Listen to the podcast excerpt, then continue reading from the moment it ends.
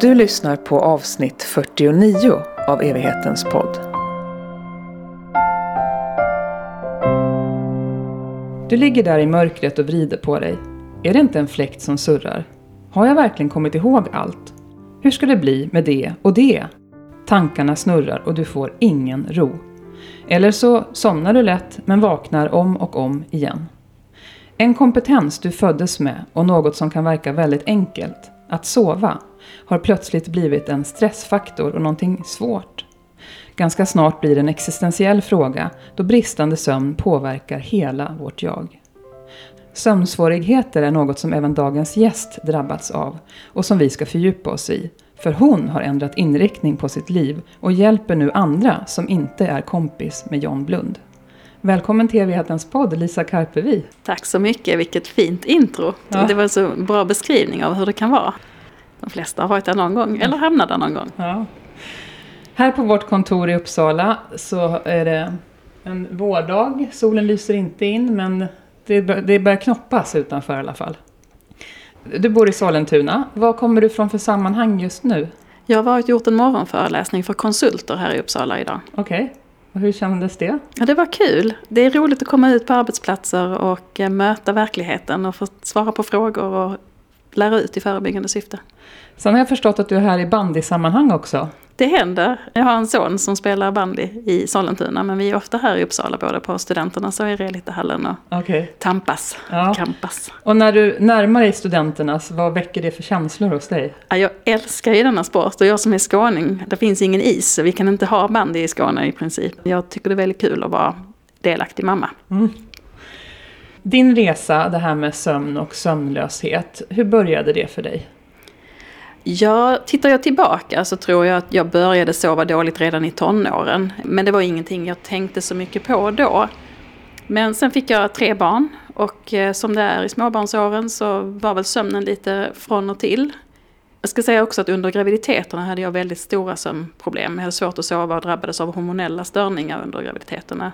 Och sen hängde det där kvar, så även om barnen växte upp och började sova bra så fortsatte jag att sova dåligt. Men jag tänkte inte så mycket på det dagtid utan jag körde på rätt så hårt dagtid och sen så var jag vaken mycket på nätterna. Det kanske inte fanns plats för det? Nej, det fanns inte riktigt plats och dessutom så var min kunskapsnivå ganska låg på hur viktig sömnen är. Och det här var ju då 6-7 år sedan och då var inte sömnen lika mycket på tapeten som den är idag heller. Så att det har hänt väldigt mycket inom forskningen på de här åren. Men det hände sig så i alla fall att jag kraschade rakt in i väggen efter eh, lång sömnlöshet och hamnade i sjukvården och eh, fick hjälp att sova med mediciner. Men sen när jag inte ville ha medicinerna längre så började jag fundera väldigt mycket på hur sjutton ska jag göra nu då för att få livet att fungera så att sömnen kommer på plats. Du säger att du kraschade, vad menar du med det? Jag gick faktiskt rakt i väggen, alltså jag drabbades av en utmattningsdepression och eh, det var så illa så att kroppen bar inte mig en morgon när jag vaknade. Och fy vad obehagligt. Ja, det var riktigt, riktigt läskigt. För från en dag till en annan. Jag hade stått och föreläst för 200 personer dagen innan och var egentligen mitt livs topp kunde jag tycka. Men jag var ju också väldigt stressad såklart. Men sen slutade kroppen att funka. Och eh, sen fick jag gå den långa vägen tillbaka. Och för dig låter det som att det kom väldigt plötsligt? Det gjorde det nog inte. Kroppen hade signalerat länge på hur, olika hur sätt då? och vis. Ja, men jag hade ont i kroppen, jag eh, hade lägre tålamod eller mindre tålamod än vad jag brukar ha. Och så. Det var många olika symptom egentligen men jag nonchalerade dem och lyssnade inte på min kropp. Men du sa någonting om tonåren, att det började redan i tonåren på sätt och vis. Ja, men jag tror, just det här hormonella som jag beskriver under mina graviditeter, det tror jag faktiskt påbörjades redan i tonåren. Att jag hade lite svårt att somna, jag kunde vakna på natten och så. Men jag, man pratar ju inte med någon om det, utan det var så jag låg vaken ibland på nätterna. Men jag kan känna igen att jag hade lite sådana där problem redan tidigt. Eh, men inte förstod då heller. Men om vi går tillbaka till det där läget när du faktiskt inte, benen bär inte. Mm. Hur hanterade du det, eller vad gjorde du?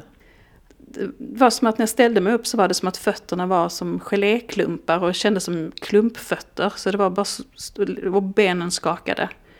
Så jag bad min man att ringa till sjukvården och eh, fråga vad vi skulle göra. Så fick jag åka in och träffa en företagshälsovårdsläkare. Som ganska snabbt konstaterade när hon pratade med mig att men hur länge har du haft det så här och hur länge har du sovit dåligt? Och förstod väl väldigt fort att det var sömnbrist liksom, som gjorde att jag mådde som jag gjorde. Vad hann du tänka innan du fick kontakt med sjukvården om vad det kunde vara? Först var jag nog rädd att det var någonting med hjärtat som inte stämde. Jag hade haft lite känningar kvällen innan att det var något, att jag, att jag verkligen var trött och slut. Men det var nog många tankar som passerade förbi där på morgonen. Jag fick ringa också till, till, till tandläkaren och avboka en tandläkartid åt min dotter som skulle dit. För jag hade inte en chans att följa med henne till tandläkaren. Eh, men eh, det var ändå ganska jag visste ju egentligen någonstans om att jag hade sovit väldigt, väldigt lite under lång tid. V vad är li väldigt lite? Men jag sov kanske ett par timmar, par tre timmar per natt. Och det pågick i flera år? Det sista akuta kanske pågick i några månader. Jag minns inte riktigt, det är, ganska, det är dimma den här tiden för mig faktiskt. Mm. Och vad tänker du att det handlar om? Dimman? Ja. Nej, men dels var jag ju väldigt, väldigt trött och utmattad och dels är det väl ett försvar också för kroppen att, att det är nästan lättast att inte komma ihåg hur tufft det var. Men vad tänker du mer att du hade för symptom nu när du kan se tillbaka på det? Du pratar om otålighet. Det gick till och med så långt så benen inte bar dig. Ja, mina kognitiva förmågor fungerade väl inte så bra heller. Jag hade svårt att minnas. Jag kunde tappa ord. Jag glömde verkligen eh, sånt som jag borde komma ihåg. Jag hade inte samma ork för eh, varken att ta hand om mig själv fysiskt eller, och inte kanske heller att ta hand om barnen riktigt som jag önskat. Jag orkade aldrig leka med barnen till exempel de, senaste, de sista månaderna innan det här hände. Ja, mina relationer påverkades ju också av att jag var liksom trött och gnällig och grinig och så. Jag påstod ju här i inledningen att det här med sömn kan bli eh, snabbt en existentiell fråga. Håller du med om det? Ja men absolut. Det, alltså mitt liv handlade ju, kanske inte precis där och då, för då handlade det ju mer om bara jag måste, jag måste verkligen sova. Men när jag så småningom började fundera på hur ska jag bryta mitt mönster, vad kan jag göra för att förändra det här, så jag var ju villig att göra nästan vad som helst bara för att få lov att sova. Du var desperat? Jag var väldigt desperat. Och eh, nu sover jag ju bra men det var verkligen sådär att jag, det var obetalbart om jag skulle kunna få en hel natts sömn. Om du skulle försöka ge dig på att beskriva den där Lisa som var då jämfört med där du är idag. Mm. Är det två helt olika personer eller? Ja, ja det, på sätt och vis är det olika personer. Jag har fått ett eh, Dels har jag ju fått jobba jättemycket med mig själv och, och, fundera på vad är viktigt i livet och vem vill jag vara och hur vill jag uppfattas. Och så, och skapa mitt liv utifrån att jag behöver ganska mycket återhämtning. Jag är en person med hög aktivitet, alltså aktiveringsgrad, eller man ska säga. Jag gillar när det händer grejer. Men det gör också att jag har behov av återhämtning och jobba medvetet med den. Så jag har börjat med yoga och andningsövningar och uppskattar att vara i skogen på ett helt annat sätt än jag gjorde tidigare. Naturen har en otrolig läkande förmåga på mig. Mm. Så att eh, absolut är jag annan idag. Mycket mognare och, och tryggare i mig själv. Eh, men det finns ju såklart, den här höga aktiviteten hade jag ju tidigare också, att jag gillar när det händer grejer. Men det var ju det att jag inte såg till att pausa. Och vad känner du för den Lisa som är nu och den som är då? Alltså finns det någonting som du saknar som du kunde göra förut? Nej, alltså jag, jag, trivs mycket bättre med den jag är idag. Verkligen, och jag tror också att jag uppfattas positivare av min omgivning. Men det är klart att när jag var sådär otröttlig som jag var, och det är också så att när man sover så lite, man hinner ju väldigt mycket mer än när man har ett sömnbehov på 7-8 timmar per natt. Så jag, det fanns ju inga gränser för vad jag kunde ta på mig och fixa och dona och ställa till med. Så det kan jag väl kanske sakna på ett sätt, men samtidigt så har jag ju mycket mer balans idag. Mm. Så du, du romantiserar inte över det? Nej, det gör jag inte. Nej. Du pratar om det här med sömnbehov.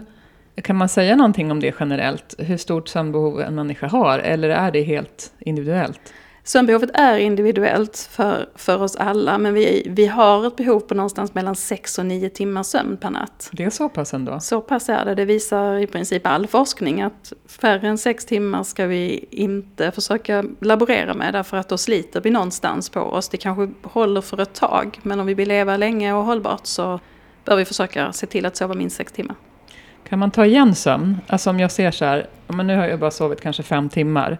Men imorgon behöver jag inte ställa någon klocka. Jag kan sova 12 timmar. Mm. Du kan sova i kapp tröttheten. kan du göra så att, eh, precis som du säger, om jag har sovit för lite en natt så kan jag se till att sova lite mer nästa natt för att inte vara trött. Men du kan aldrig sova igen förlorad sömn. Och det du gör om du har olika dygnsrytm på det sättet är att du rubbar din naturliga sömncykel. Så då vet inte kroppen riktigt vad som är vad och när det är dag och natt. Så du kan, liksom, genom att inte ha fasta rutiner så kan det bli svårare att somna sen ytterligare en natt senare.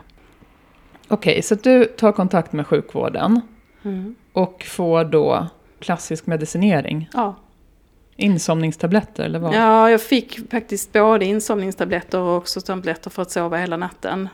Och jag fick det väldigt snabbt.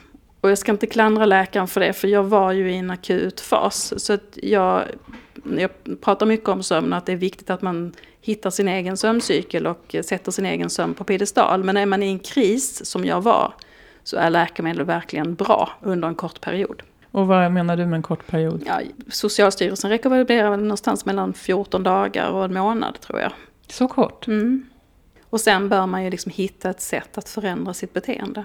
För ofta hänger det här ihop. En sömnlöshet, det finns ju massor med olika orsaker såklart. Men om det är en beteendeförändring som krävs så, så, spelar det ju egentligen ingen roll om jag medicinerar i en månad eller i ett halvår. För jag mm. behöver ju ändå göra jobbet. Mm. Men i mitt fall, jag var så slut så det fanns ju inte på kartan att jag skulle orka börja fundera på att vara uppe lite längre på kvällarna istället för att ligga och vrida och vända i sängen. Till exempel. Utan jag behövde ju verkligen få lov att sova där och då. Var sjukvården tydlig med att det är bra om man inte blir beroende av det där, eller hur? Ja, både ja och nej ska jag säga. För den läkaren jag träffade, hon var alldeles fantastisk människa. Men hon kunde lite för lite om sömn. Så hon visste inte riktigt vad hon skulle råda mig till. Hon visste inte heller vart hon skulle skicka mig. Eh, och det har jag ju henne att tacka för, för då fick jag ju ta reda på det på egen hand. Så det är ju det som är anledningen egentligen till att jag jobbar med det jag gör. Men självklart pratar hon om risken för beroende och de tabletterna hon förskrev var också så att hon ville börja med att inte förskriva liksom de som är beroendeframkallande. Men sen behövde jag verkligen bli knockad så jag fick ju tabletter under en kort, kort period som, som skulle kunnat riskera att bli ett beroende på sikt. Men det höll ju både hon och jag koll på att det inte skulle hända. Men jag tänker på där, där, du var i livet då. Du hade tre barn, du hade jobbat fram tills det här. Alltså hur, hur blev vardagen sen? under jag var sjukskriven under en ganska lång period. Så att, och då var jag så slutkörd så att jag, eh, då hade jag ett enormt behov av att sova. Så då gick jag upp på morgonen, det såg jag till att göra varje dag för att äta frukost med mina barn. Och sen åkte de till förskola och skola. Och då vilade jag tills de i princip kom hem på eftermiddagen. Och sen försökte jag vara uppe så att jag kunde vara med och äta middag med dem. Men jag var under, den, under ett halvårs tid i alla fall så var jag så slutkörd så att jag var ganska frånvarande som mamma. Vad var det för sorts sömn? som jag fick. Ja. För jag får en bild av att du var liksom däckad. Mm. Ja men jag var däckad, nattetid var jag däckad absolut och på dagtid var jag väl bara så trött så att jag bara behövde vila. Eh, men typen av sömn är ju en kemisk sömn tänker jag. Alltså det var ju inte naturlig djupsömn utan det var ju ett skapat, en skapad sömn. Just som det. tog bort många av mina förmågor. Alltså det var ju på ett sätt väldigt bra att jag fick hjälp att sova men det var ju också så att en del av mina förmågor, det som är jag, togs bort. Till exempel? Ja men den här uh, nyfikenheten till exempel jag har på livet och uh, att vilja hitta på saker och sådär. Jag orkade nästan ingenting. Nej, så det blev lite avdomnad på något sätt. Mm. Kan du förlåta dig själv idag för att du var frånvarande som mamma? Ja, det kan jag göra. Jag har ägnat mycket tid till att reparera det och ta igen tid med mina barn. Men, men självklart så kan jag känna en sorg över att jag missade en del av deras tid när de var små. Mm. Så att visst, det, tittar jag tillbaka så kan jag känna att oj vad jag önskar att eh, inte hade hänt. Men eh, jag är ganska accepterande med det. Att det, jag, kan inte, jag kan inte förändra någonting bakåt utan jag får ju se till att det blir bra framåt. Och eh, du hade ju inget uppsåt? Nej, inte absolut så, nej. inte. Och, och, och jag är också... Jag kan känna just den här omedvetenheten om att jag faktiskt varje dag tärde så mycket på mig själv så att jag skulle hamna där. Jag hade ju ingen aning om det. Och jag önskar ju att någon hade kunnat säga till mig eller att jag själv hade förstått. Och det kan ju vara de som försökte säga till mig men att jag inte lyssnade. Ja, är det så? Ja det tror jag absolut. Kroppen sa ju ifrån och jag lyssnade inte på den men Nej. jag tänker att det var väl de runt omkring mig som inte visste hur lite jag sov, för det pratar jag nog sällan om, men eh, som såg att, att jag var väldigt trött och sliten. Vad tänker du att det säger om vårt samhälle, att det kunde gå så långt och att det här liksom är en sån privat sak fram tills det inte är det längre? Ja, men jag tänker att vi lever i ett samhälle som... Eh, vi har ett väldigt, väldigt högt tempo. Vi har kanske inte tillräckligt mycket kunskap om hur viktig den här medvetna återhämtningen är. Och det är någonting som vi borde lära oss, tänker jag, redan från barnsben. Jag tänker att skolorna borde, de pratar mycket om idrott och, och rörelse, vilket är fantastiskt. Och man pratar också en del om kost. Men jag tänker att man pratar lite för lite om sömn. Mm. Och överhuvudtaget återhämtning. Och sen tänker jag att eh, sömnen har varit ett ganska tabubelagt ämne, eller sömnproblem har varit ett tabubelagt ämne. Det är ingenting man kanske pratar om på jobbet eller så, för det är lite, kanske lite fult, lite går hand i hand med psykisk ohälsa. Att sova, det kan väl alla, det borde man väl kunna. Att man inte riktigt förstår att om jag pratar om det här så, så kanske jag kan bli hjälpt. Det är ju ett av min, min mission att prata sömn. Det är också därför jag är så öppen med min egen sömnresa. För att jag tänker att det finns om jag var där jag var så är det ju fler än jag som har problem med sömnen. Och jag vill så att man stannar upp i tid. Det här var sex sju år sedan som du gick in i väggen och kraschade och inte ens kunde resa dig upp. Har du någon bild av vad som har hänt inom sjukvården? För du sa att kunskapen var så liten då från medicinskt håll kring hur mycket det här ställer till för en människa att inte kunna sova. Mm. Vad som händer liksom, i olika ställen i sjukvården är jag lite osäker på. Men däremot har forskningen gått i raketutveckling sedan dess. Ni har ju en otroligt duktig forskare här i Uppsala, Christian Benedikt, som forskar väldigt mycket på sömn och inom det här området. Så han och många av hans forskarkollegor gör ett otroligt stort jobb. Och sen har vi en kille som Anders Hansen som pratar mycket om hjärnan och vikten av att träna och återhämta och röra på sig som ju också pratar mycket om sömn. Så att det händer ju väldigt, väldigt mycket och det ökar medvetenheten hos oss människor men det, och också inom sjukvården såklart. Jag fick själv hitta till kognitiv beteendeterapi då för sex år sedan som inte gick att få på recept på den tiden. Idag kan du få eh, KBT på recept. Det finns sömncoacher. Det, ja, det händer mycket så att absolut så, så händer det inom sjukvården också. Och det var ju inte så att alla läkare var okunniga för sex år sedan heller såklart. Man kan ju jättemycket från läkarkåren men jag tror att det finns ännu mer att göra. Kanske framförallt i förebyggande syfte. Att man inte behöver hamna där jag hamnade. Det är det som jag tänker är så viktigt. Förutom att du är utbildad inom pedagogik, beteendevetenskap, basmedicin, yoga samt meditation så är du numera även certifierad sömncoach. Vad är det för någonting? men jag har, eh, I det företaget jag jobbade med kognitiv beteendeterapi så utbildade man mig i sömn och eh, där blev jag också certifierad sömncoach. Och det betyder att jag, dels kan jag väldigt mycket om sömn, dels är jag självlärd såklart, men jag har också fått lära mig utifrån KBT, kognitiv beteendeterapi, som bygger på forskning som är gjord bland annat i Sverige, men man har också tittat på det här över hela världen. Därför att man har sett att mediciner är ju en sak, att man kan ta läkemedel mot det här, men då sker ju ingen förändring i beteendet. Men genom att jobba med KBT och få lära sig både om hur kroppen och hjärnan fungerar och hitta strategier för att förändra eh, både dagtid, för sömnen pågår ju inte bara nattetid utan faktiskt hela dygnet påverkar ju våran sömn. Så att man skaffar kunskap och lär sig hur funkar jag och hur funkar sömnen. Och att man sen hittar strategier för att jobba med det, eller inte jobba med, men att man kan bryta mönster nattetid. Så det betyder att vi måste verkligen, vill vi få en förbättrad sömn så måste vi verkligen vara beredda att förändra vårt äh, sätt att leva? Ja, Det, det, måste vi om ja. vi inte vill äta läkemedel och, och gå det quick fix-vägen. Men då riskerar vi ju biverkningar från mediciner och det är inte säkert att de håller eller funkar så länge heller. Men någon form av livsstilsförändring kan vi behöva göra. Du sa det här med att sömnen pågår även dagtid, eller jag kommer inte ihåg exakt hur du uttryckte dig. vad, vad menar du med det? Nej, men jag menar på det sättet att vi har ju eh, ett hormonsystem i kroppen och bland annat så har vi hormoner som heter kortisol och melatonin som hänger ihop med våra sömn. Melatonin är ett eh, lugn och rohormon som frisätts kvällstid och så pumpas det runt i kroppen hela natten och på morgonen så är det som att kranen vrids av. Och så bygger man upp en ny nivå utav melatonin på dagen. Och kortisol är ett stresshormon som gör att pulsen slår lite högre och temperaturen i kroppen ökar och gör att vi överhuvudtaget orkar gå upp på morgonen. Och de här hormonerna samverkar med varandra, kortisol och melatonin. Och melatonin byggs upp i kroppen med hjälp av att vi får i oss dagsljus. Så att vi, eller rättare sagt, frisättningen Eh, stängs av när vi får i oss dagsljus. Så dagsljuset påverkar vår melatoninproduktion.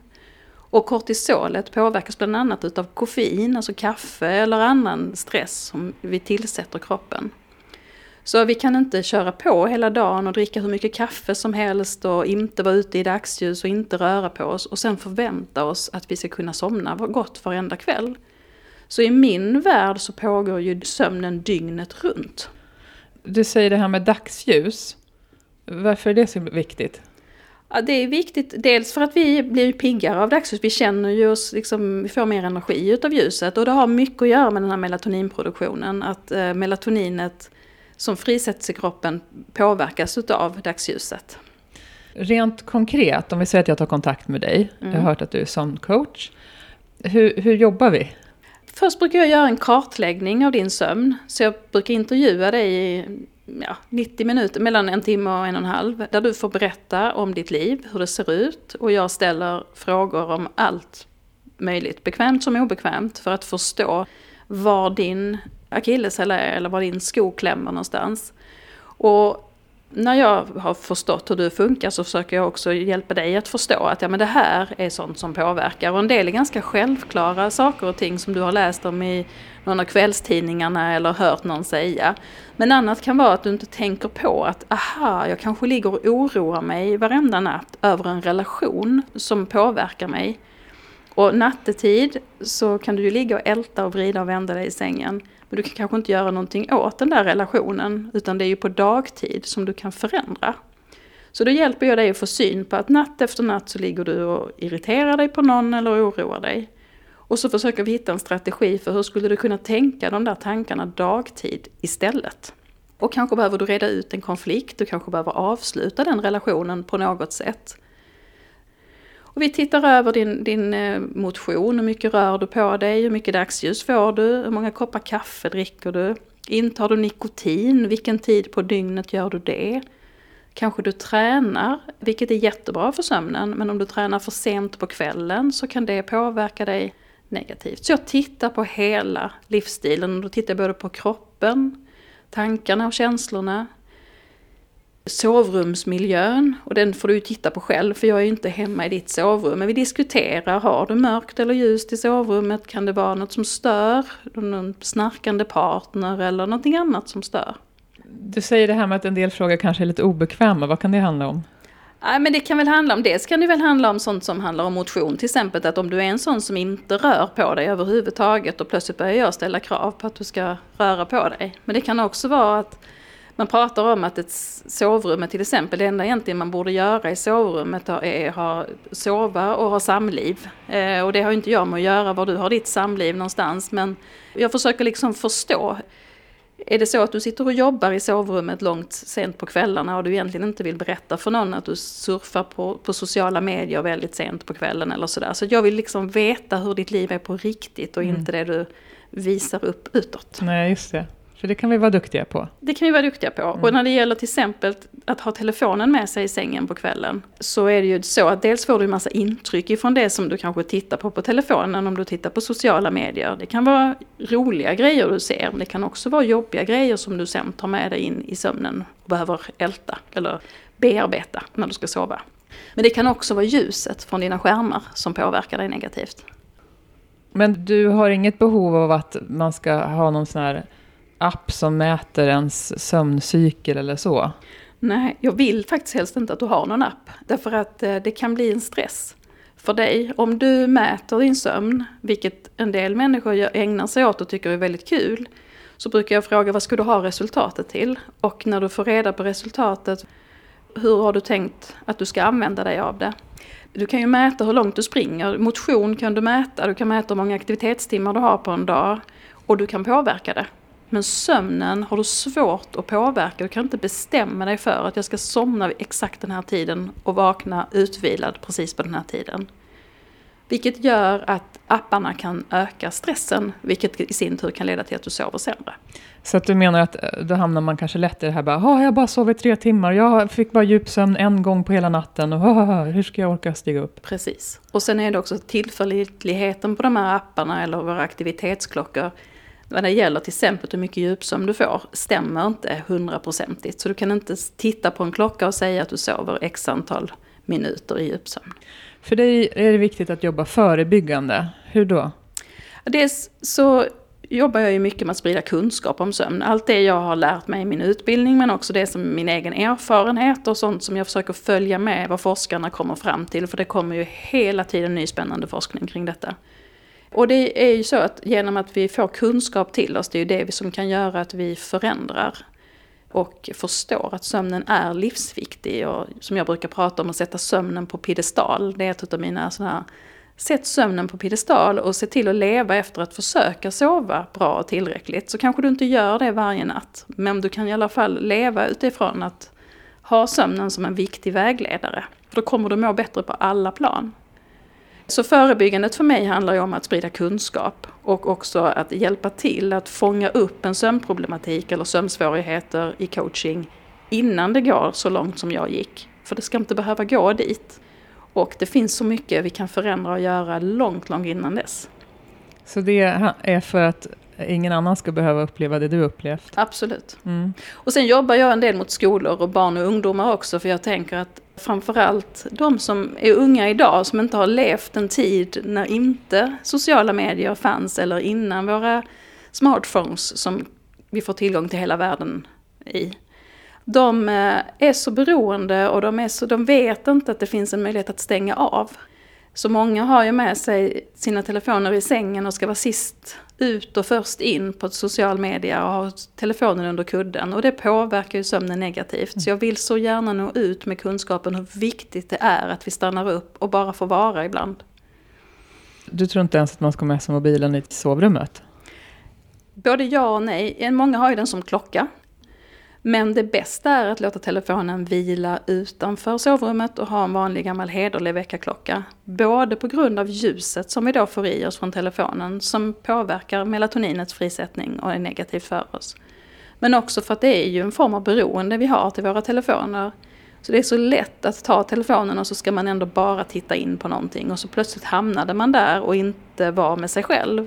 Så jag tror och är ganska övertygad om att det bästa för både vår sömn och vår hälsa är att inte ha telefonen med sig in i sovrummet. Men jag tänker att du om någon kan säkert förstå att det här lätt kan bli en konflikt för den enskilde. Att vi har liksom samhällets krav och våra egna krav på oss. Att vi vill prestera på jobbet och vi kanske är förälder, vi kanske har djur som vi ska ta hand om och vi ska vara vi kanske vill vara partner, vi vill umgås med vänner och så vill vi träna och så vill vi ha egen tid och så vidare. Och samtidigt så önskar du att vi sätter sömnen på piedestal. Hur ska vi få ihop det här? Ja, det är ju ett livspussel såklart. Men om vi ser till att vi är skapta för att sova en tredjedel utav dygnet. Forskarna är ju rörande överens om det, eller de flesta i alla fall. Det finns väl de som motsäger det. Men att vi ska försöka få en sömn ungefär på åtta timmar per natt. Och sen är det lite individuellt, någonstans mellan sex och nio timmar är vårt sömnbehov. Och då tänker jag att eh, vi får försöka leva utifrån det. Och sen eh, får vi kanske inte vara så perfekta på alla andra ställen. Och sen ibland om vi får en, en natt eller två med lite mindre sömn så kommer vi klara av att leva med det också. Inför att du skulle komma så lyssnade jag på Fråga Agnes Wold i Sveriges Radio om sömn. Och enligt det programmet så vet vi inte riktigt varför vi sover överhuvudtaget. Det finns olika teorier och det är att dels att hjärnan kan tvättas kan man säga och vi ska kunna reparera saker som har gått sönder och så befäster vi minnen genom att sova. Vad säger du om det här? Varför sover vi överhuvudtaget? Ja, jag sällar mig då till Agnes Wold att vi vet inte exakt. Alltså precis det hon säger. Dels handlar det om att befästa minnen. Det ser man i labb när kan man mäta att om vi upplever någonting och får sova på saken så blir minnets skapande bättre. Minnet håller längre det är väl en, en av de saker man säger att hjärnan jobbar på med att hantera minnesflödet och tömma korttidsminnet under tiden som vi sover så att vi börjar en ny dag med ett fräscht korttidsminne som kan då ta in nya intryck och så. Så det, minnet är ju en sak som man verkligen tror eller vet att, att det påverkas av sömnen. Och sen immunförsvaret har man ju gjort ganska intressanta studier nu i koppling till eh, covid-19. Att de som sover ordentligt efter de har fått sin spruta ser det ut som att sprutan eh, håller längre eller verkar bättre med immunförsvaret. Jaha. Eh, så det är spännande, Ja. eller hur? Så när det gäller immunförsvaret så är man ju ganska rörande överens om att sömnens uppgift är att- bland annat se till att immunförsvaret får jobba på bättre nattetid än det gör på dagen. Och sen den här funktionen du pratar om att kroppen städas, det finns ju en otroligt spännande studie man gör eller har gjort forskning att, att hjärnan rens, alltså spolas med hjälp utav en funktion där det, som jag brukar förklara det, att ryggmärgsvätskan backspolas på något sätt upp i hjärnan och spolar rent våra gångar i hjärnan så att plack spolas bort. Och plack som då annars kan bildas från förbränningen av våra hjärnceller. Och den placken i sin tur, om den får, får växa och gro men inte spolas bort så kan man se koppling till exempel till demenssjukdomar från den. Så man har sett att Alzheimer kan ha en koppling till långvarig dålig sömn. Sen så har man också gjort studier som visar på att diabetes typ 2, hjärt och kärlsjukdomar och fetma kan ha koppling, samsjuklighet med dålig sömn. Så att både immunförsvaret och våra kognitiva förmågor förbättras ju definitivt av att vi sover. Och sen finns det kanske ännu fler funktioner. Det görs ju otroligt mycket forskning runt omkring i hela världen på sömnens betydelse och hur mycket vi behöver sova. Eh, Är det för långt att gå att säga att vi därmed blir friskare och kan upplevas som smartare av att sova gott? Ja, jag skulle vilja hävda att det är så. Alltså uppleva som smartare och också känna oss smartare. Och bara jag tänker på hur mitt minne försämrades och hur jag kände mig som trögtänkt när jag inte hade sovit. Och det tror jag de flesta kan känna igen sig i. att En natt kanske man klarar att sova dåligt men efter några nätter så känner man sig ju inte lika smart. Mm. Eh, och kanske inte lika frisk heller. Jag tror att jag har sett en studie på att, att de som har insomni, alltså det vill säga sömnlöshet, och sen finns det ju kriterier för det, det är ju en diagnos inom sjukvården. Jag, tror jag såg att 11 sjukdagar kan man räkna med att en person som lider av insomni eh, har per år på grund av just sin sömnlöshet. Och det är ganska många, 11 sjukdagar. Och då säger man att någonstans 10-11 procent av den vuxna befolkningen lider av insomni. Så att tittar man på det, man skulle då vara hälsoekonom och räkna på det, så för en arbetsgivare så är det otroligt viktigt att prata sömn med sin personal. Rent kroppsligt, liksom fysiskt, vad händer om vi inte får sova? Dör vi till slut eller? Ja, alltså ja, om vi inte sover, skulle vara vakna dygnet runt så, så dör vi ju till slut. Men sen om, inom det militära använder man ju till exempel sömn som ett tortyrmedel för att vi, vi slutar ju att funka och till slut så vi känner ju att vi kan tänka oss göra i princip vad som helst för att få lov att sova, apropå den existentiella frågan. Att det är så viktigt att vi får vår sömn och återhämtning. Vad är din relation till vetenskap? Jag är väldigt eh, noga med att det, alltså jag försöker hela tiden följa med i forskningen. Jag tycker det är viktigt att eh, vi inte sprider massa okunskap som inte har en koppling till, till forskning. Men sen så när jag jobbar med olika återhämtningsmetoder till exempel. Den yogaformen jag utövar heter mediyoga och den är framtagen i Sverige och man jobbar med den inom sjukvården så den är ju beforskad. Men det finns ju annan typ av yoga till exempel och det, det viktiga för mig när det gäller de bitarna är ju att man hittar ett sätt att återhämta som passar en själv. Så den behöver inte alltid vara beforskad utan det handlar mycket om en upplevd känsla. Att hittar du en andningsövning som lugnar ner ditt stresssystem så, så kör på den även om den inte är beforskad. Men däremot så är jag noga med att hänga med och, och jag vill verkligen också ha en bra relation till, till forskningen för jag tycker det är viktigt.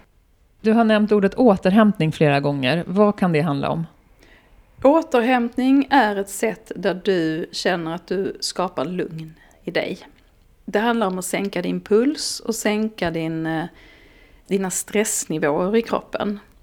Och det kan vara olika för olika individer. Däremot så tänker jag inte att det handlar om att sitta och surfa eller rulla i sociala medieflödet. Utan snarare att hitta ett sätt för en stunds tystnad och lugn och ro. Och det kan vara att gå ut i skogen. Naturen har ju en enormt läkande kraft på oss. Det kan vara att sitta och titta ut över vatten. Eh, att läsa en bok. Lyssna på musik som skapar någonting annat än det som du var i för en stund sedan. Och efter till exempel en löptur så är det ju många som ser till att fylla på med lite mat. det är en form av återhämtning. Att ge kroppen en stunds, eller liksom ge tillbaka till det kroppen har gjort för dig, eller kroppen eller hjärnan så att säga. Och den kan vara individuell, för en del blir väldigt stressade av att syssla med meditation. Andra mår väldigt bra av att syssla med meditation, så det gäller att hitta ett sätt där du återhämtar så att du mår bra. Men det kan... Um vi kan lita på vårt eget omdöme när det gäller vad det är. Ja, jag tänker det. Och att vara medveten om att jag menar, när jag har gjort någonting, då behöver jag vila. Precis som mobilen behöver ladda när batteriet är slut eller bilen behöver tankas med bränsle så behöver våra kroppar och sinnen också det. Mm. Jag tänker att vi ska inte förvänta oss att sömnen ska vara vår enda återhämtning så att vi kan köra på i 16 timmar full fräs och sen förvänta oss att vi ska sova 8 timmar från att vi går och lägger oss. Beroende lite grann på, har man en hög aktivitet eller aktiveringsgrad som jag brukar prata om, då behöver man kanske också lägga in lite mer återhämtning för att hitta en balans. Är man en soffsittare och inte är särskilt aktiv, då behöver man kanske inte riktigt lika mycket återhämtning för då har man redan en lägre nivå av aktivitet. Så det gäller att hitta en balans. Vem är jag? Absolut. Men, och sen tänker jag att det finns väl ingenting som automatiskt säger att eh, den som är en soffsittartyp, som inte rör på sig så mycket alls. Det behöver inte betyda att den är jätteavslappnad när den sitter där i soffan i alla fall. Nej, absolut inte. Nej, det, så är, det ju såklart. Men fysiskt kanske man är, och det är där jag brukar prata om det här med att det kan ju vara kroppen som är det som är orsaken till att man har svårt att sova. Och det kan vara tankar och känslor. Eller jag brukar också prata om att det kan vara själen. Att man har ingen meningsfullhet i sitt liv. Att man bara kör på. Måndag till fredag, upp och hoppa, köra och lämna och hämta på förskolan och jobba och livet har liksom ingen riktig glädje i sig. Men att man ser till att man har någonting som är liksom som jag mår bra av, som jag kan fylla mig själv med och som känns som någonting som, som skapar mening i mig. Apropå det här med mening, det är spännande att du kommer in på det spontant själv, för det frågar jag alla poddgäster. Vad är meningen med livet? För mig är meningen med livet att jag vill trivas med det jag gör och den jag är. Och att jag skapar en sån miljö runt omkring mig så att också mina medmänniskor känner sig liksom sedda och hörda och bekräftade av mig och jag behöver få det tillbaka också. Tänker du hela Lisa då, eller är det bara jobb-Lisa eller bara mamma-Lisa? Eller, ja. ja, jag tänker nog på hela mig. Så hela människan tänker jag är viktigt, att jag har en balans i livet. Sen om det finns någon större mening med livet, jag tänker att jag lever för, för dagen och, och för, för det som är just nu. Och sen att alltså jag vill ha det bra omkring mig, jag vill trivas med den jag är och det jag gör. Och hur märker du att du trivs med det du är och gör och har balans? Ja, du, lustigt nog så är det ju det att då sover jag gott att sova är en del av meningen med livet faktiskt. För att orka vara den man vill vara och orka möta världen så behöver man få sitt lugn och ro och återhämtning och inte minst sömnen. Du finns på sömnkonsulten.se utan prickar över ett öt, alltså Sömnkonsulten. Och har sagt så här. Jag vet det mesta om att sova dåligt och mycket om vad man kan göra åt det. Eh, vi har pratat en del om vad man kan göra åt det. Vill du lägga till någonting? Eh, jag tänker att fundera över balansen i livet och eh, försök att förstå vad är ditt sömnbehov. Är det sex timmar, är det nio timmar eller någonstans däremellan? Och försök skapa ett liv som möjliggör att sova de timmarna som du har behov av. Och eh, se till det här som vi pratat om, om dagsljus och, och motion och att få ett liv i balans. Och tveka inte att ta hjälp om det strular, så att du inte behöver hamna där jag hamnade, för det är inte värt det. Ta hjälp av? Det kan ju vara först och främst att kanske gå till sjukvården och, och ta blodvärden bara för att se så att det inte är en brist. Till exempel kan det ju vara en eh, järnbrist, det är det många kvinnor som drabbas av. Det i sin tur kan ju leda till att man inte orkar så mycket och sen kan det bli en obalans för sömnen. Sköldkörteln är inte helt ovanligt att den bråkar med oss och gör den det, då kan det vara det som är orsaken till att man sover dåligt. Men om det handlar om en obalans i livet som, där man har kört på för mycket på det ena eller andra sättet så kan en sömncoach definitivt vara ett bra alternativ. Eller kognitiv beteendeterapi. Eller som då, jag jobbar ju med coaching utifrån KBT. Så att jag har ju båda kompetenserna. Och i vilket läge tycker du att man behöver söka hjälp? Jag tänker om man har sovit dåligt under kanske minst fyra veckors tid så bör man ta tag i det. Det är inte så länge. Nej, det är inte så länge. Eh, och det behöver ju inte betyda någon superstor förändring och det är därför jag menar på att det är bra att fånga, ju tidigare man fångar upp det ju lättare är det att göra förändringen. Jag jobbar bland annat med ett företag där alla chefer ställer frågan till sina medarbetare på medarbetarsamtalen. Hur sover du? Och då säger man ju det. Det är ju inte så att man sticker under stol med hur man sover om någon frågar. Men om man inte frågar så kanske man inte heller berättar eftersom det är något som sker på natten hemma. Och det är aldrig någon som reagerar med att det har inte med att göra, eller det där Nej, är för privat? det är klart att det kan bli om man börjar prata om hur mycket tv-serier tittar du på. Alltså att man börjar liksom rota i sådär, men det behöver ju chefen inte göra. Utan man kan ju fråga hur sover du? I det företaget då så skickar de dem vidare till, till en sjuksköterska som sen skickar dem vidare till mig så jag får hjälpa dem att få koll på det. Och det kan gå ganska fort att vi får ordning och reda på sömnen när vi väl tar tag i det. Och jag jobbar med ett verktyg som heter sömnrestriktion. Man uppskattar sin sömn i, i skriva sömndagbok. Och sen så om det är så att man ligger vaken mycket i sängen då komprimerar vi sömntiden så att man tar bort den vakna tiden. Och så får man ligga lite kortare tid i sängen för att bryta det här onda mönstret. Och det brukar gå ganska fort att vi ställer tillbaka sömnbehovet och sen kan man sakta lägga på tid så att man får ordning på sin sömn. Alltså om vi tittar på läget idag, hur mycket tycker du att sömn är någonting som vi liksom pratar om och som har blivit en mer samhällelig fråga? Eller är det fortfarande mest en privat sak och lite skamligt på något sätt? Ja, jag tycker sista åren att det har blivit mycket mer att man pratar om det. Eh, Dels har det varit en del tv-serier som handlar om sömn och SVT har gjort några fantastiska satsningar på att prata sömn. Eh, och ehm, nu är jag ju så nörd när det gäller sömn. Jag pratar ju sömn med allt och alla. Så att jag får ju också höra många sömnhistorier. Men jag tror faktiskt på riktigt att det är ett, en ökad medvetenhet i samhället bara så de senaste åren. Och att man förstår vikten av att sova och vad som händer när vi sover. Mm. Och igår fick jag förfrågan från en gymnasieskola som ska ha hälsovecka om jag kan komma och föreläsa för deras gymnasieelever. Jag är lärare i grunden så jag tycker det är otroligt roligt att få komma tillbaka till skolans värld och, peppa dem till mm. att sova gott det rör på sig mm. och det är positivt tycker jag. Har du någon bild av, är det här ett, liksom mest ett västvärldsproblem och ett modernt fenomen, eller vad, vad tänker du om det?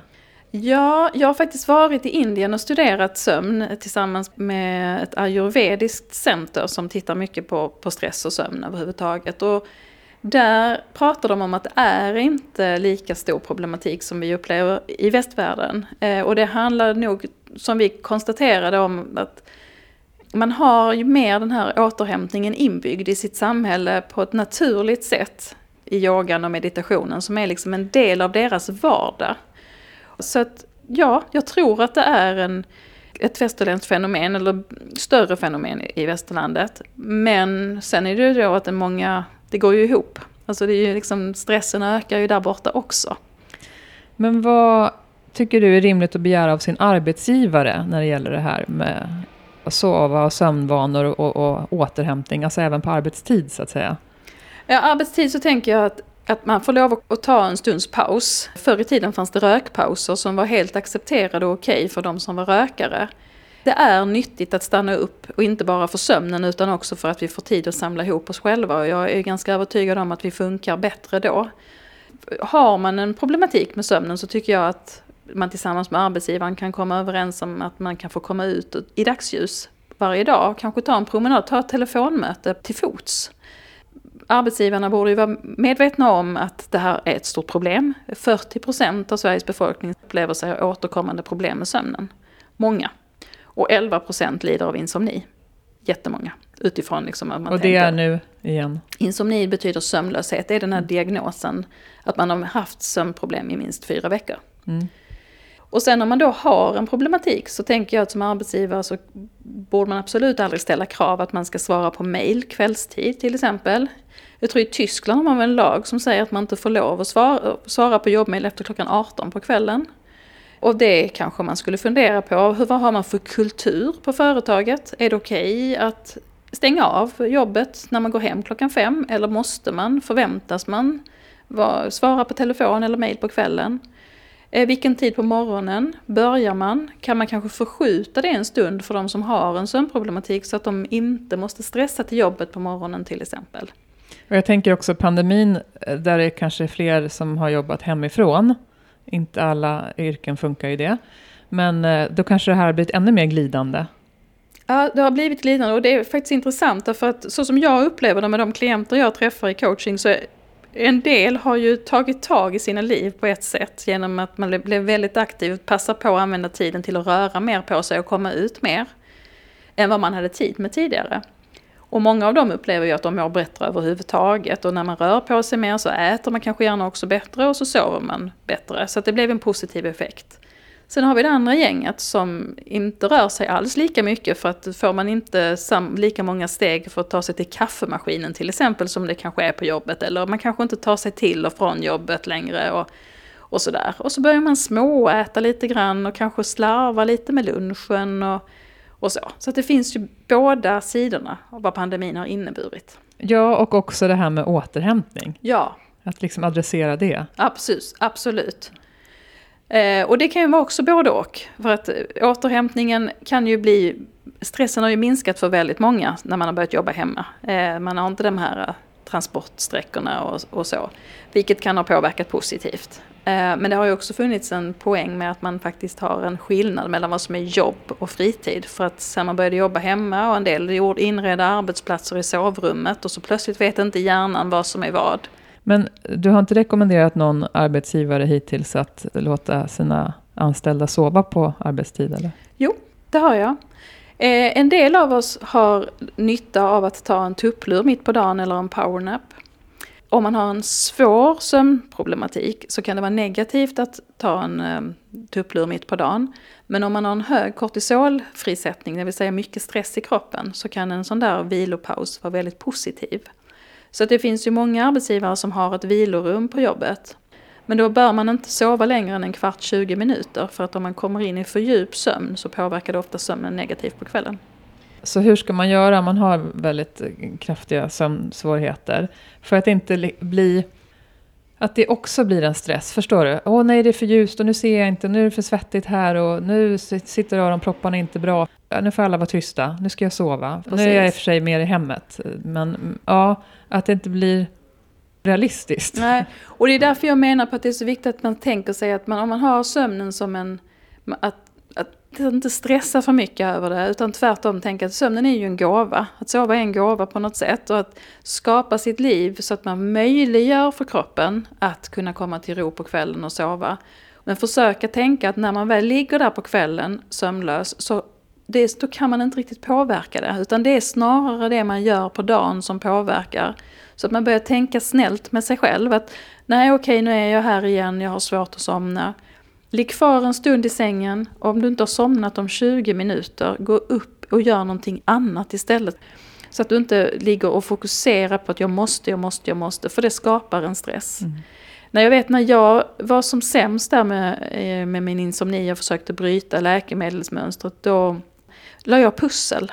Sent på kvällarna tände jag ett ljus och så gjorde jag en kopp te och familjen gick och la sig.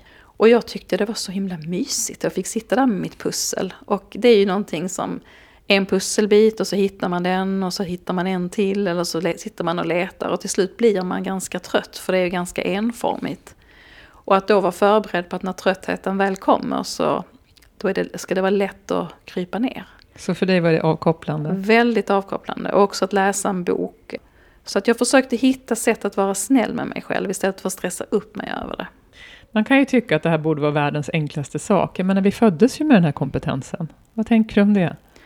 Jag tänker att vi, vi utsätts för olika saker och ting i livet där vi, eh, vi rubbar våra cykler.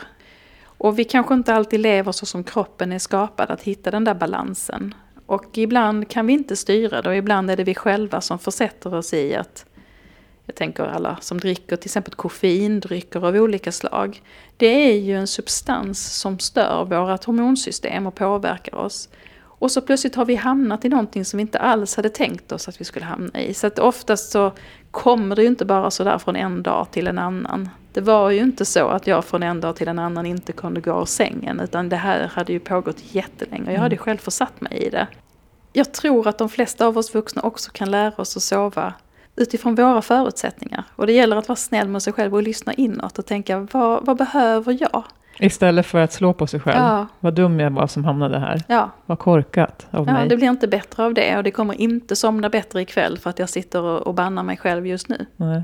Men dricker du inte kaffe alls eller? Joho, absolut.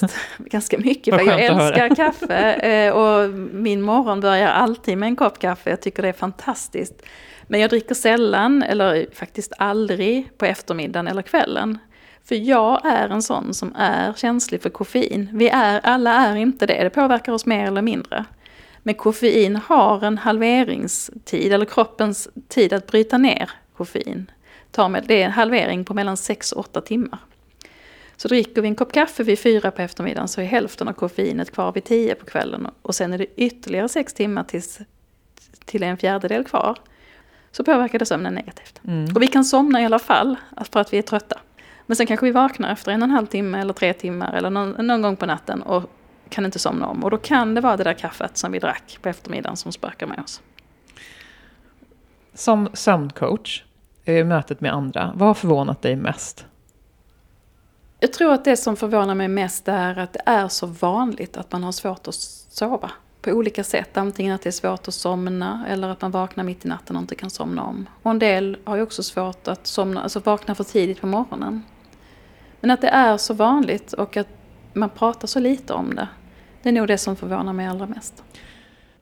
Har du någon bild av att, om det här är ett lika stort problem för landets män som kvinnor? Nej, alltså kvinnor, det säger väl forskningen att kvinnor har eh, större tendens till sömnproblematik.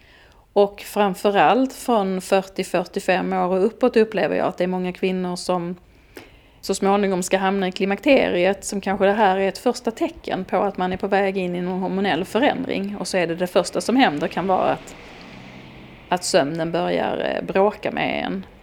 Men jag jobbar ju då med några företag som framförallt har män anställda, så jag träffar väldigt många män som sover dåligt.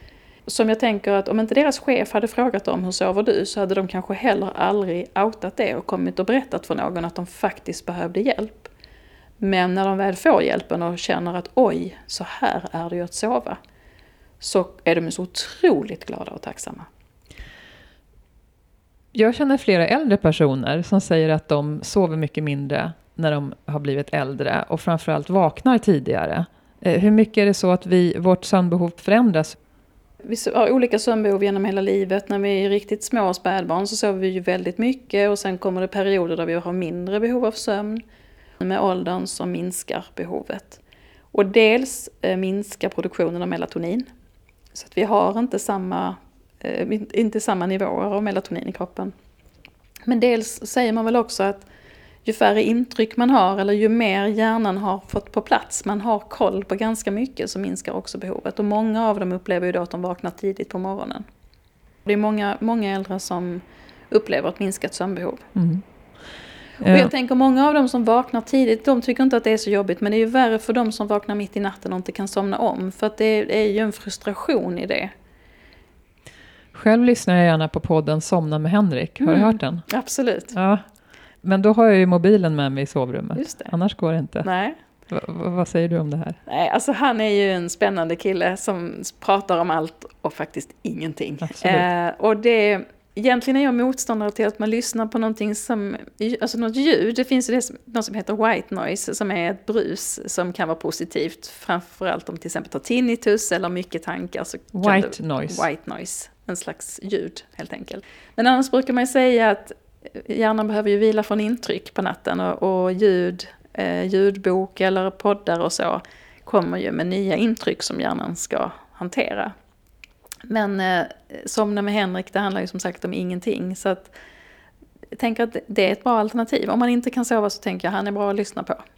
För mig, det är någonting, jag tänker att liksom, det är någonting med lägerelden om man sitter där och Mm. det, man hör mummel. Som, som när man var liten så var det lite härligt när vuxna satt upp och pratade. Inte Just det. bråkade, för då var, blev det ju otryggt. Men det är någonting med det där att vi flockdjur, tänker jag. Absolut. Alltså, sånt som en, är nons, nonsens, ja. att man inte behöver memorera någonting. Så Mm. tänker jag, fortsätt med det om du sover bra av det. Ja. Ehm, du har tre egna barn och ett bonusbarn med mannen Henrik. Vad har du lärt barnen om sömn? Dels vet de ju hur viktigt det är att få sin nattsömn. Eh, och att de ska stänga av sina mobiler så att de är i flygplansläge och att de inte ska vara på sina telefoner för sent på kvällen. Vi har sagt att de får ha dem i sitt rum så länge de inte brottas med sömnproblem. Så kan de ha dem laddandes mm. i sovrummet så de vet var de är någonstans. Men det får de ha. Men vi pratar mycket om sömn och vi pratar mycket om kopplat till att vara ute, att se till att röra på sig. De får jättegärna spela dataspel och, och sitta med sina telefoner men de behöver också varva det med socialt umgänge och med att röra på sig, motion i någon form. För att få den här sunda livsstilen som, som jag är övertygad inte bara handlar om sömnen utan handlar om hela helheten så att säga. Mm. Sen har jag också varit mån om att de ska läsa på kvällen så att de får ett eh, mellanrum mellan de här eh, flödena och sömnen. Så att säga. Att de gör någonting annat som är återhämtande. Finns det någonting som du har lärt dig av barn, barnen? Ja men absolut jag lär mig hela tiden av barnen och just det här att, att hitta en, en balans i livet tycker jag ofta faktiskt att mina barn är bättre på än vad jag är. Och min dotter häromdagen berättade att hon hade raderat några av sociala medierna för hon kände att det påverkar henne negativt. Och det tycker jag var så sunt att mm. ta makten över det. För mm. att det, det, var kanske inte just kopplat till sömnen men det handlar ju liksom om att nej men det här gör mig inte gott, då är det bättre att jag tar bort det. Jag försöker vara en väldigt närvarande mamma och jag försöker lära mig av mina barn i, i, i smått och stort. Och då tycker jag sömnen är en av de eh, bitarna som jag lär mig av dem. Lisa, när du inte vandrar kvar här på jorden längre, hur vill du bli ihågkommen då? Jag vill bli ihågkommen som en som eh, såg dig och som lyssnade och som gjorde skillnad. På vad sätt är det så viktigt? Att se andra och lyssna? Ja, det är nog eh, både för att jag tycker det är så otroligt eh, härligt att höra svaren för att lära känna människan som är bortom det jag ser. Men också för att få dig att känna dig sedd och, och bekräftad. Och det här med skillnad, vad kan det handla om? ja, men jag tänker att uh, göra skillnad är ju, uh, man brukar väl säga att det var inte vad du sa eller gjorde, utan uh, vad du fick mig att känna. Den typen av skillnad vill jag göra för andra människor att möta det jag mötte i min sömnlöshet, den frustrationen och desperationen. Jag vet ju hur tufft det var och jag vet att få ta sig därifrån och göra den resan har betytt allt för mig och det betyder ju till och med att jag bytte karriär. Så att eh, jag vet hur viktigt det är att vi får må bra och eh, känna att livet har en mening. Så om inte jag funkar så funkar ju varken mina närmsta eller någon annan heller. Så att jag behöver först och främst sätta mig själv på piedestal och min egen sömn. Mm. Sen kan jag finnas för andra. Och jag tycker att jag har ganska bra balans i det. Och sen då, föreställer du dig, finns det något efter? Föreställer du dig en evig vila, en ständig sömncykel eller efter eh, döden?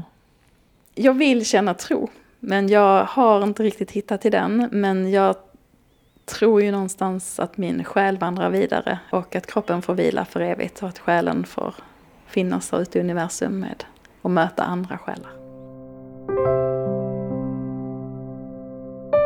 Det berättar Lisa Karpevi här i evighetens podd.